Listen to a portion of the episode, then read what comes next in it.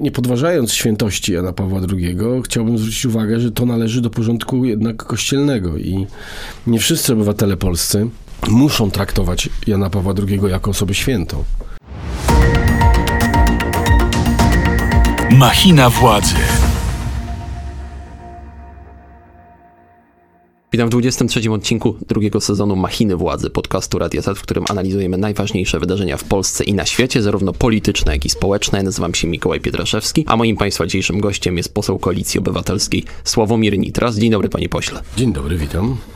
Chciałbym zacząć od tematu, który zelektryzował w ostatnim tygodniu polską opinię publiczną, mianowicie reportaż Marcina Gutowskiego w TVN24 dotyczący Jana Pawła II, który pokazuje dowody zeznania czy opowieści świadków, które mówią, że Karol Wojtyła, zanim został papieżem, miał wiedzieć o przypadkach pedofilii w kościele i też próbować tuszować niektóre z tych przypadków. Prawo i Sprawiedliwość wzięło papieża Jana Pawła II w obronę, postanowiło wprowadzić w porządek sejmowy e, w obronie dobrego imienia Jana Pawła II. Zaczęły się też argumenty, które mówiły o esbeckich kwitach, że to są niewiarygodne materiały, że to jest szkalowanie świętości. Jak pan, jako przedstawiciel opozycyjnej formacji, która nie uczestniczyła w głosowaniu nad tą uchwałą, sytuuje się w tym sporze. Ja oglądałem ten reportaż y, i szczerze mówiąc, chyba tak doprecyzo- do, doprecyzowując, y, tam chyba nie było zarzutów o to, że on tuszował.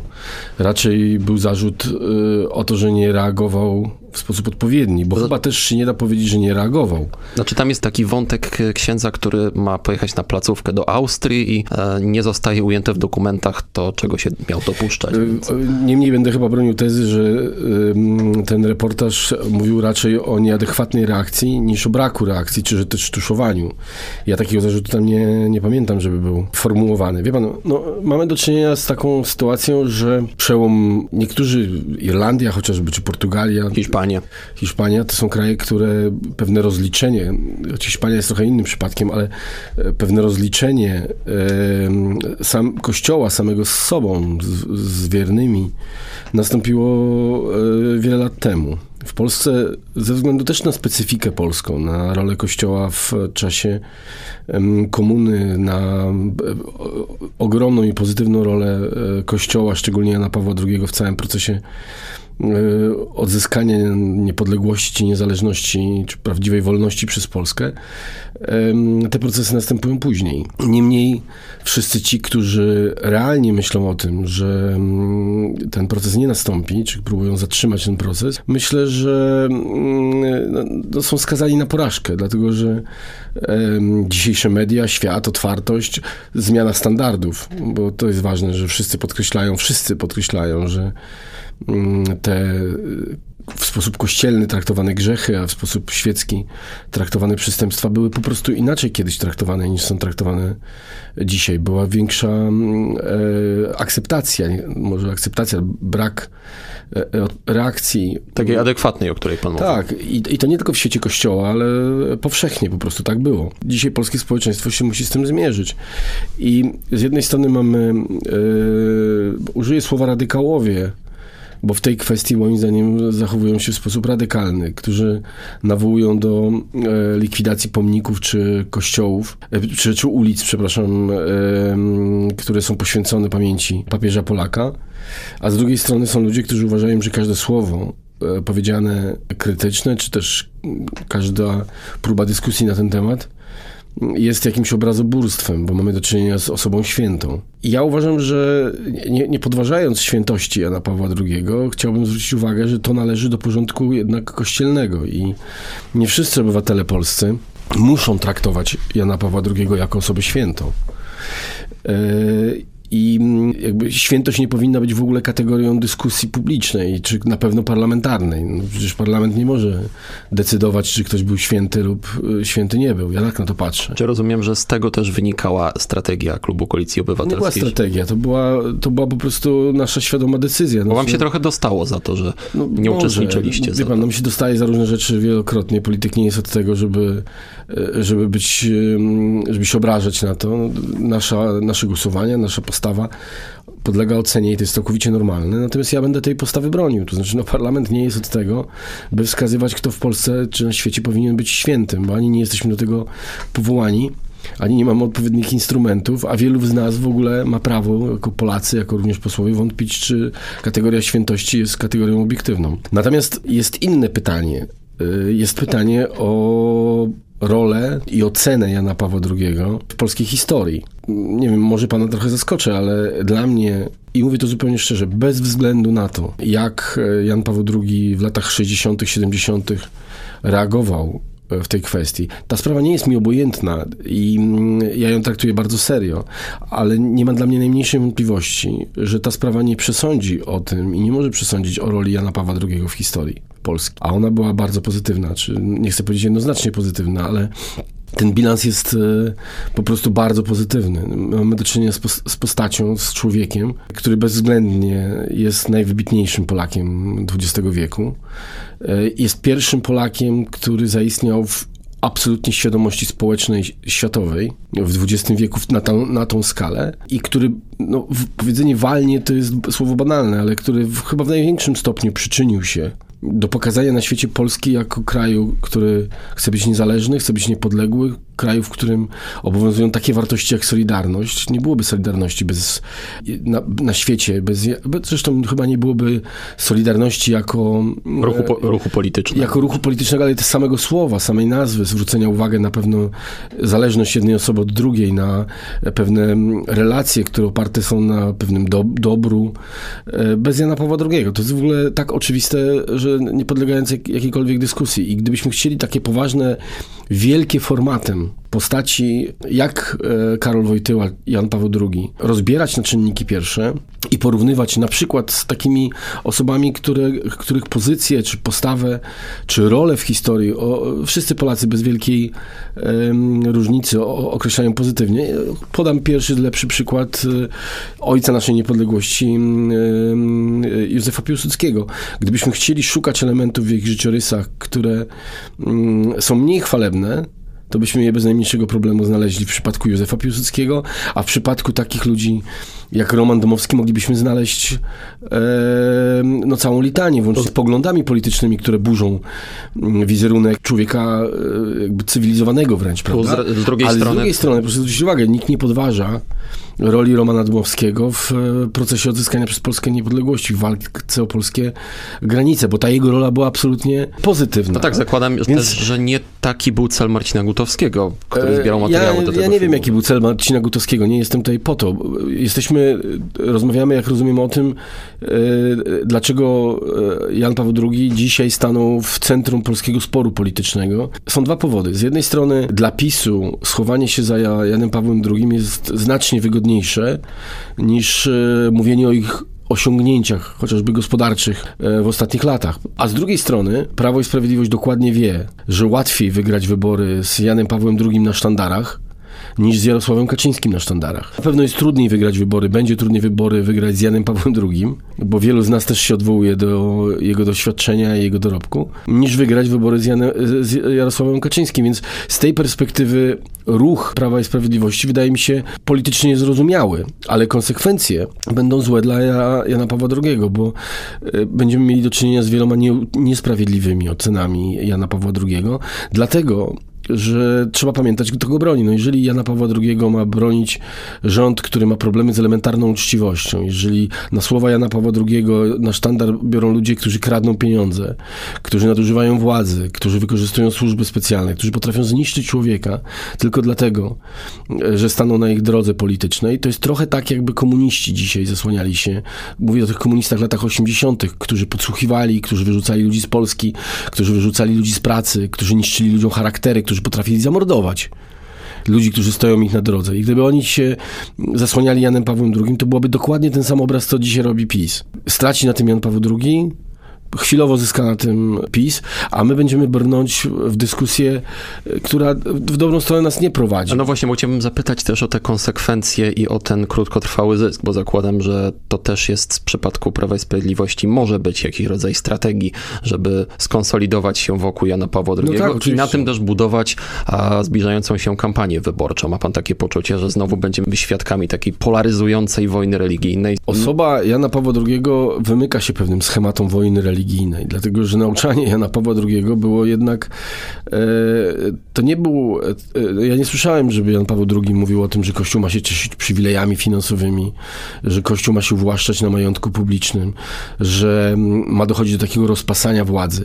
Proszę zwrócić uwagę, że postawa Jana Pawła II raczej była postawą osoby pokornej, który szedł do wyznawców innych religii, który potrafił klęknąć w miejscach świętych dla innych religii, który nie stał na jednym z, z rzymskich wzgórz i, i, patrzył z góry na cały świat, tylko raczej starał się zejść do tego świata i w pozycji pokornej wobec tego świata e, starać się zrozumieć, dostrzec drugiego człowieka. Jakże dalekie to od tego, co dzisiaj pokazuje nam, pokazują nam rządzący. Więc zredukowanie Jana Pawła II do Polaka, katolika, który jest zamknięty na zło, które się w całym kościele dzieje i który przyjmowałby z dobrodziejstwem inwentarza wszystko, co proponują nam dzisiaj w Polsce rządzący, jest e, redukcją tak tak, tak nieprawdziwą i tak e, zubażającą e, postać papieża, że moim zdaniem to jest tak fałszywe, że to wszyscy widzą. Natomiast oczywiście w tym twardym elektoracie PiSu bardzo łatwo taki obraz stworzyć, że mamy do czynienia z wielkimi Polakami, e, którzy przez historię prowadzą Polskę, e, która jest zdominowana, czy próbuje być dominowana przez obce wrogie siły i że to był Jan Paweł II, a dzisiaj jest to Jarosław Kaczyński. Może dla 20% społeczeństwa, może nawet dla mniejszej liczby e, Polaków Polacy nie są aż tak łatwymi, podatnymi na manipulację ludźmi, żeby to, żeby to kupić. Ale postawa opozycji jest bardzo ważna. To znaczy, no jeżeli my będziemy wzywać rzeczywiście do e, likwidacji pomników e, papieskich, no to byłoby granie w orkiestrze PiSu. To byłoby robienie dokładnie tej postulatów, które, na których PiSowi by zależało. Ale to akurat w przypadku opozycji to jest tak, że każda formacja może drugą oskarżyć, że gra w orkiestrze, bo już się pojawiły e, oskarżenia wobec PSL-u, że zagrało w orkiestrze PiSu, popierając tę e, uchwałę. Można też zresztą zauważyć, zauważyć, że każda z najważniejszych formacji opozycyjnych trochę inaczej się ustosunkowała do, tej, do tego filmu i do tego sporu wokół niego. Można każdemu coś zarzucić, ale yy, ja słucham uważnie, co mówią koledzy z PSL-u i zachowaliśmy się zupełnie inaczej w tej sprawie. Myśmy uznali, że to po prostu nie jest decyzja Sejmu, oni uznali, że jednak trzeba bronić e, dorobku papieża. Są też najbardziej konserwatywną gałęzią. No są, ale moim zdaniem, jak słucham e, chociażby Władysława Kośniaka-Kamysza, to mam takie wrażenie, że on oddziela te dwie rzeczy. On broni Polaka, papieża Polaka, jego dorobku, również politycznego, bo pamiętajmy, że to było jednak wybitny polityk. Natomiast stara się nie grać w tej orkiestrze PiSu, wręcz przeciwnie, stara się robić wszystko, żeby, e, żeby pokazać, że tu nie, ma, nie mamy do czynienia z jakimś e, takim związkiem. Papież byłby dzisiaj zapisem. To jakiś absurd. Tak, tak by wcale nie było. A właśnie, czy Jan Paweł II byłby zadowolony pana zdaniem, że Prawo i Sprawiedliwość właśnie wzięło go na sztandary? Zadam myślę, prowokacyjnie trochę. Więc. Myślę, że Prawo i Sprawiedliwość ma to gdzieś w nosie zupełnie, co myślałby Jan Paweł II.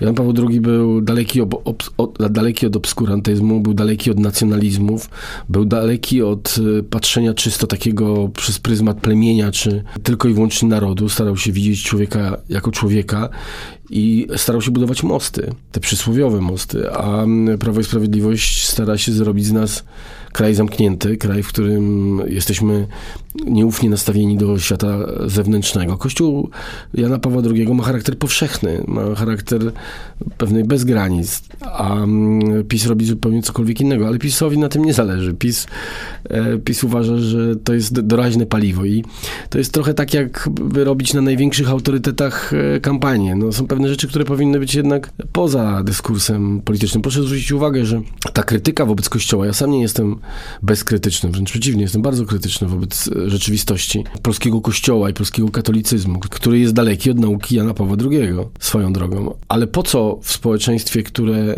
co do roli historycznej Jana Pawła II się zgadza, po co po co robić go przedmiotem wojny? Po co robić go przedmiotem jakiejś politycznej kampanii? No tylko, no, żeby wygrać wybory.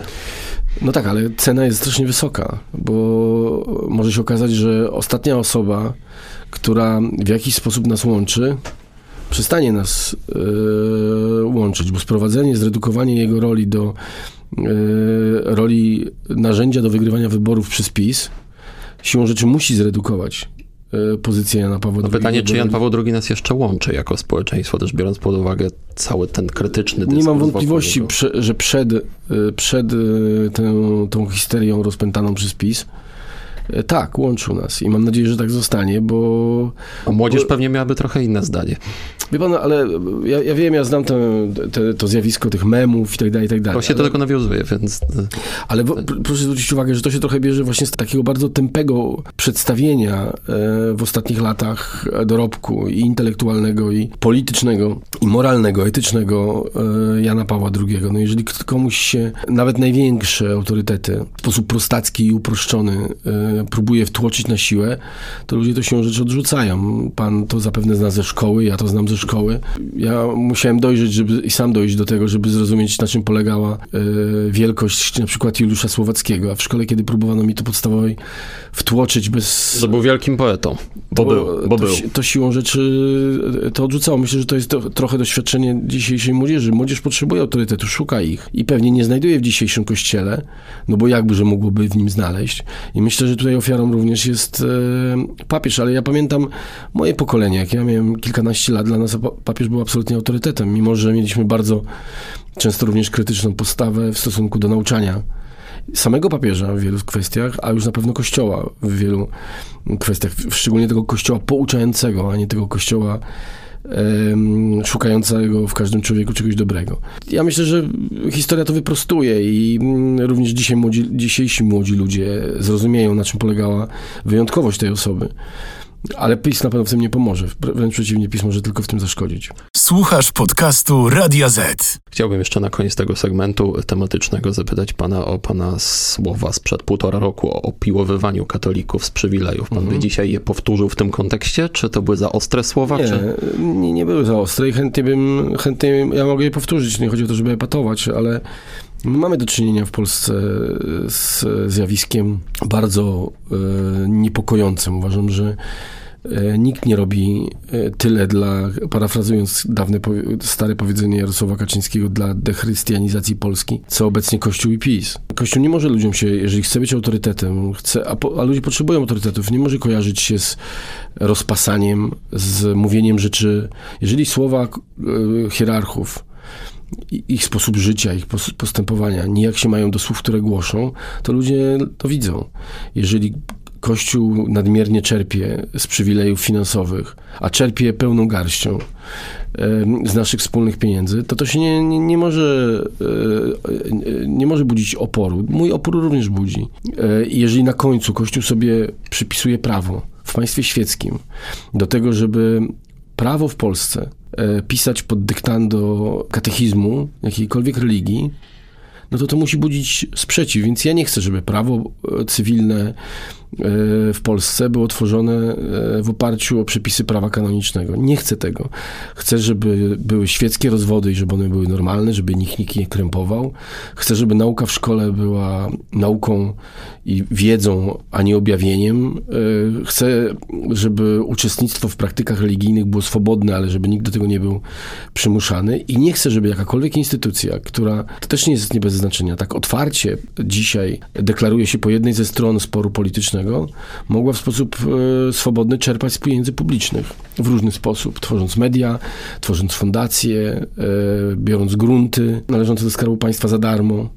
Po prostu uważam, że tak nie powinno być i te przywileje powinny być ograniczone. Ludzie niewierzący mają prawo żyć w tym kraju i ludzie wierzący, którzy nie podzielają wszystkich, czy nie, nie, nie żyją według wszystkich nauk e, Kościoła katolickiego, też mają prawo tak żyć i nikt ich nie ma prawa pytać o to, czy oni, e, nie wiem, żyją przed ślubem, czy współżyją przed ślubem, e, czy mieszkają przed ślubem, czy korzystają z procedury in vitro. No jeżeli pozwolimy na to, żeby pod dyktando kościoła, tak jak jest dzisiaj, na przykład de facto zlikwidować, bo bez pieniędzy publicznych to jest de facto, to jest tak jakby można powiedzieć, że możemy robić w Polsce operację e, przeszczepu nerki czy serca, ale nie możemy za nie płacić z pieniędzy publicznych. No to znaczy, że nikt w Polsce nie przeszczepi nerki albo serca, bo po prostu przecież nikogo na to indywidualnie nie stać. Państwo jest stworzone tak, że to są potrzeby e, za, zaspokajane przed, przez państwo. Dzisiaj tak nie jest, bo Kościół powiedział, że nie. Bo politycy, którzy się podpierają Kościołem mówią, mówią, że nie. A w zamian za to wszyscy muszą chodzić na religię, a jakie to mają okienka. To jest e, albo mają ograniczone prawo do rozwodu, albo nie mogą adoptować dzieci, albo nie mogą żyć razem, albo państwo nie może rozpoznawać, że parę tej samej płci e, żyją razem, mimo że żyją razem.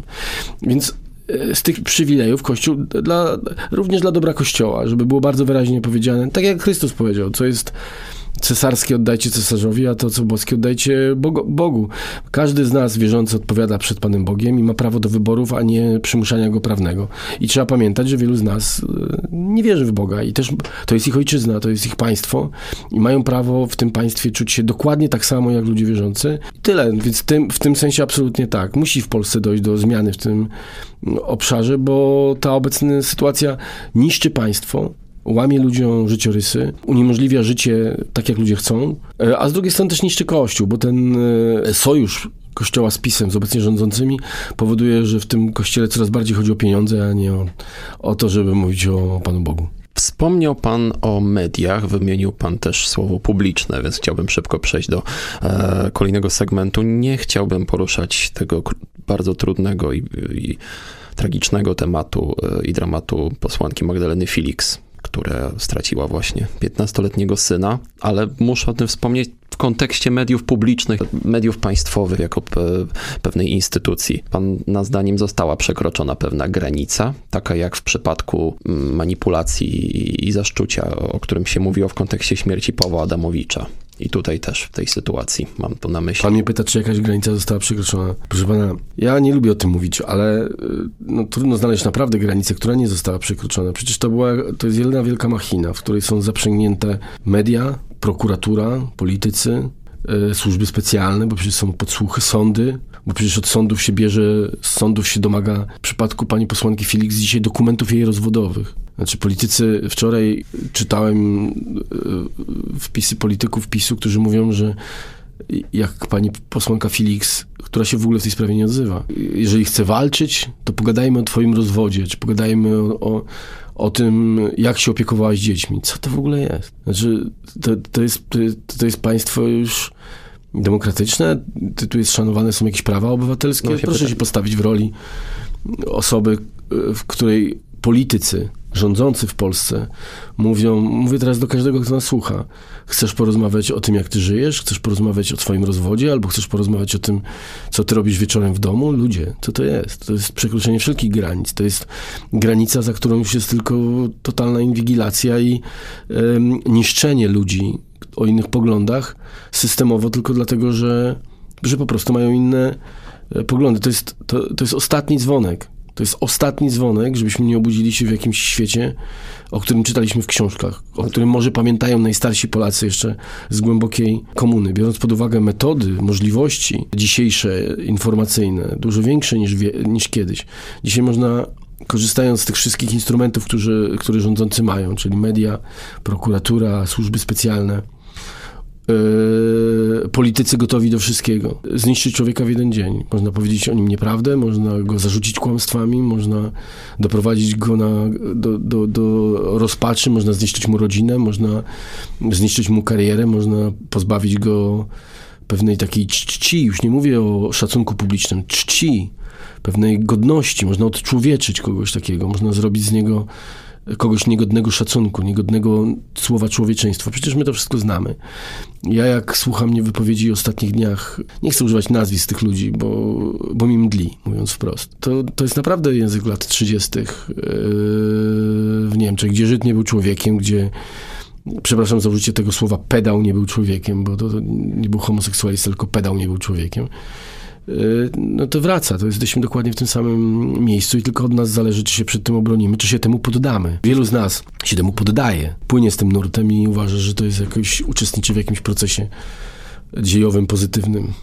A pana zdaniem jest jakiś sposób na to, żeby media zwane publicznymi w sposób, no może nie błyskawiczny, no bo to jest jednak proces, który pewnie potrwa, ale jaki macie pomysł na to, żeby tę sytuację naprawić, posprzątać? Pana, Rafał y- Trzaskowski, bo tylko wspomnę, że Rafał Trzaskowski jako prezydent stolicy też przedstawiał projekt likwidacji TVP Info. No tylko pytanie, czy to nie jest taki postulat, tak mało wystarczającą, bo to jest likwidacja jednego kanału, a jednak media publiczne są szerszym konglomeratem. Więc pytanie, jaki... To jest, to jest oczywiste, że jeżeli opozycja dzisiejsza, bez względu chyba na to, jakie partie tworzyłyby przyszły rząd, bardzo na to liczę, nie kryję, powstanie, to będziemy mieli do czynienia z opcją, którą ja nazwałbym opcją zerową w mediach. To znaczy ludzie, którzy po prostu taki model mediów budowali, akceptowali, tworzyli, muszą muszą się z tą pracą pożegnać. A chodzi o wymianę kadrową, reformę strukturalną, Myślę, reformę nazewnictwa?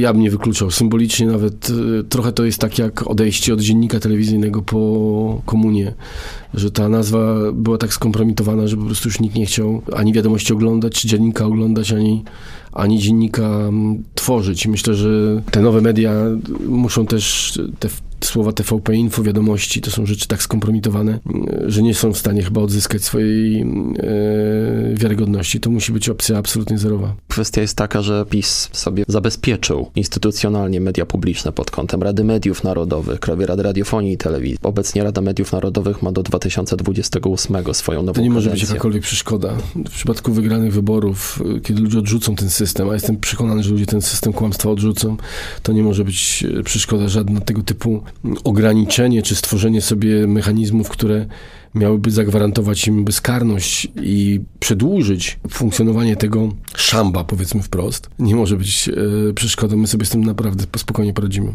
Słuchasz podcastu Radia Z. Jak już jesteśmy przy wyborach, to jeszcze ostatni segment, ostatnie pytania, które panu chciałem zadać. Bo oczywiście kampania wyborcza, można powiedzieć, że już nieoficjalnie wystartowała. Wybory za około 7 miesięcy. Przyjmijmy, że to może być październik.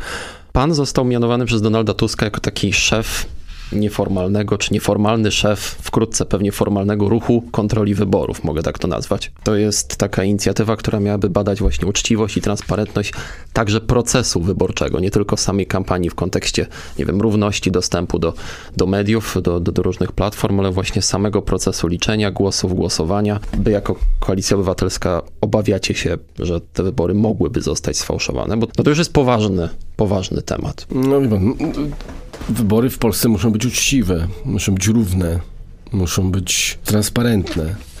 I mm, z tej perspektywy odpowiedź na pytanie, czy takie są, czy takie będą, yy, no, należy postawić wątpliwość, takie będą, dlatego że yy, poddać wątpliwość pewność tego procesu, bo gdybyśmy spojrzeli na poprzednie wybory parlamentarne, a szczególnie wybory prezydenckie, to one nie były ani równe, ani uczciwe. Aczkolwiek nie dopatrzono się takich fałszerstw już w samej procedurze, która Ale to jest, proszę pana, trochę dzielenie włosa na czworo, dlatego że wybory mają być równe, mają być uczciwe. Ja nie twierdzę, że ktoś siedział w lokalach i fałszował y, to, co ludzie do urny wrzucali, ale te wybory nie były równe, wszyscy to wiedzą, że były ogromne preferencje dla urzędującego prezydenta i e, dużo bardziej dużo trudniej miał i pod względem finansowym, i pod względem organizacyjnym, pod względem właśnie dostępu do mediów, roli instytucji państwa, które powinny być neutralne w tym procesie.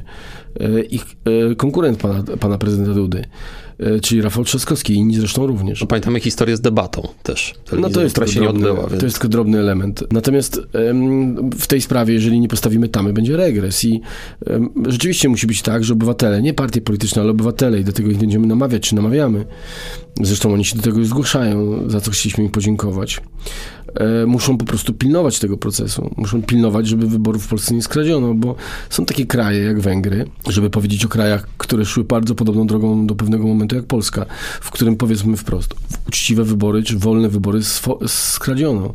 Węgry nie mają już dzisiaj wolnych e, wyborów i są jakimś takim krajem, który pałęta się pomiędzy dyktaturą a e, demokracją.